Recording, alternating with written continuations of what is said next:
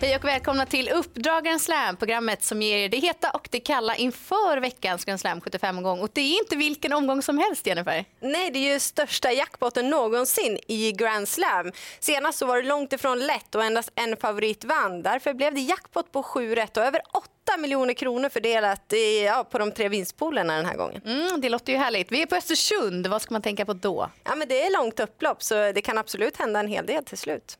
Det var förutsättningarna. Nu kör vi igång. Här kommer veckans heta.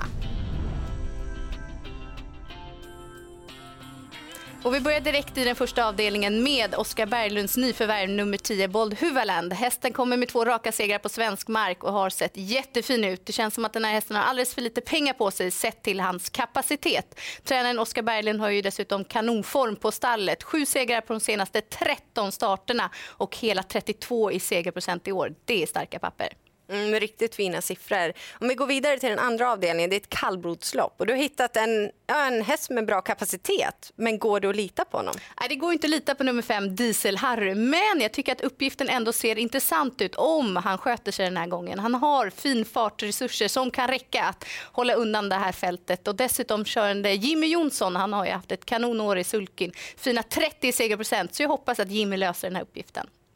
I den tredje avdelningen så ser det ut eh, på förhand att handla om två riktigt fina treåringar. Men glöm inte bort nummer sex, Turmalin Yankee, som kommer laddas för ledningen. Eller ja, den biten brukar hon sköta själv. Hon är lite av en rusartyp och visade fin form då det blev seger i senaste starten. Och eh, att det är kort distans den här gången, det är en klar fördel. Går vi till den fjärde avdelningen så kommer ju snackhästen Nahid ut igen ja, så bra han har varit. Men han har inte startat på ett tag och senaste starten då blev det ändå galopp på upploppet. Eh, så även om Oskar Berglund har fin form och Magnus Djuse kör, håller alltid bra form, så är det ändå lite frågetecken. Mm, Magnus A. Djuse är ju omgångens nyckelkusk, så vad passar då inte bättre än att höra hans tankar kring chanserna på söndag och hur han tänker kring att läsa på inför loppen.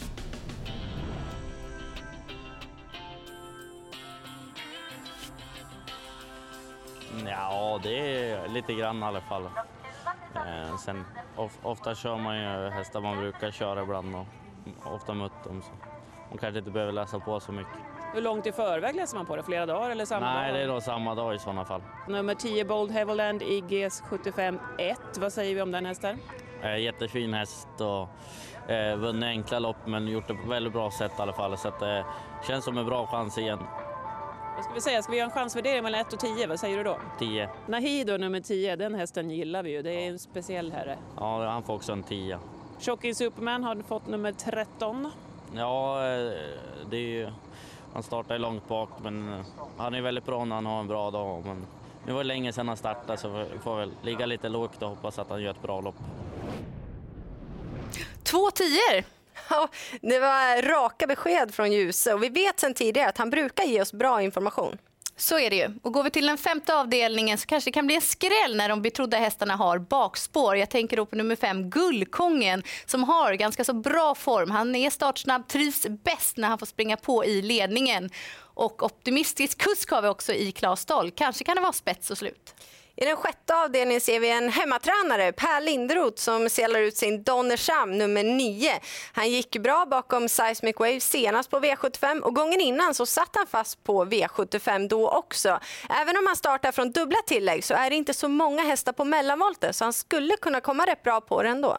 Och I den sista avdelningen så vill du lyfta fram en häst som du tycker står på tur för seger. Ja, men nummer två, Soropa, förtjänar snart en seger. Hon har gjort bra prestationer på slutet utan att få sätta nosen först. Dessutom, tränare Robert Dunder har riktigt fin eh, form på stallet, haft en längre tid. Och på de tio senaste starterna så har det blivit tre segrar. Och lägg då till att Mats i Ljuse hoppar upp i sulken för första gången. Det är ju alltid intressant. Nu dags för veckans Kalla.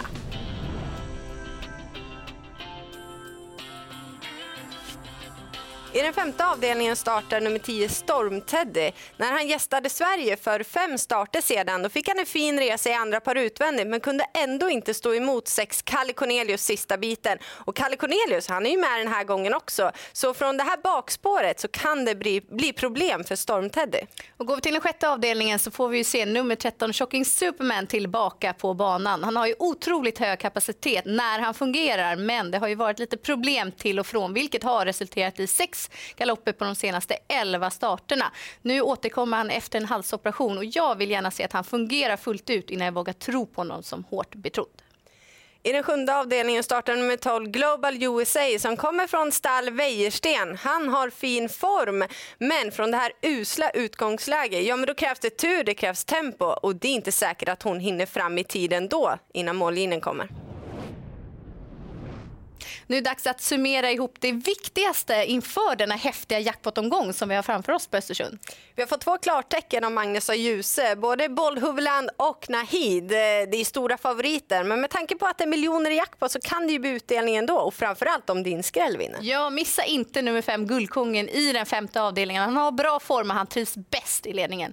Och I den tredje avdelningen är jag spänd på nummer sex, Turmalin Yankee. Hur snabbt kan hon springa och håller det hela vägen hem? Stort lycka till i jakten på miljonerna.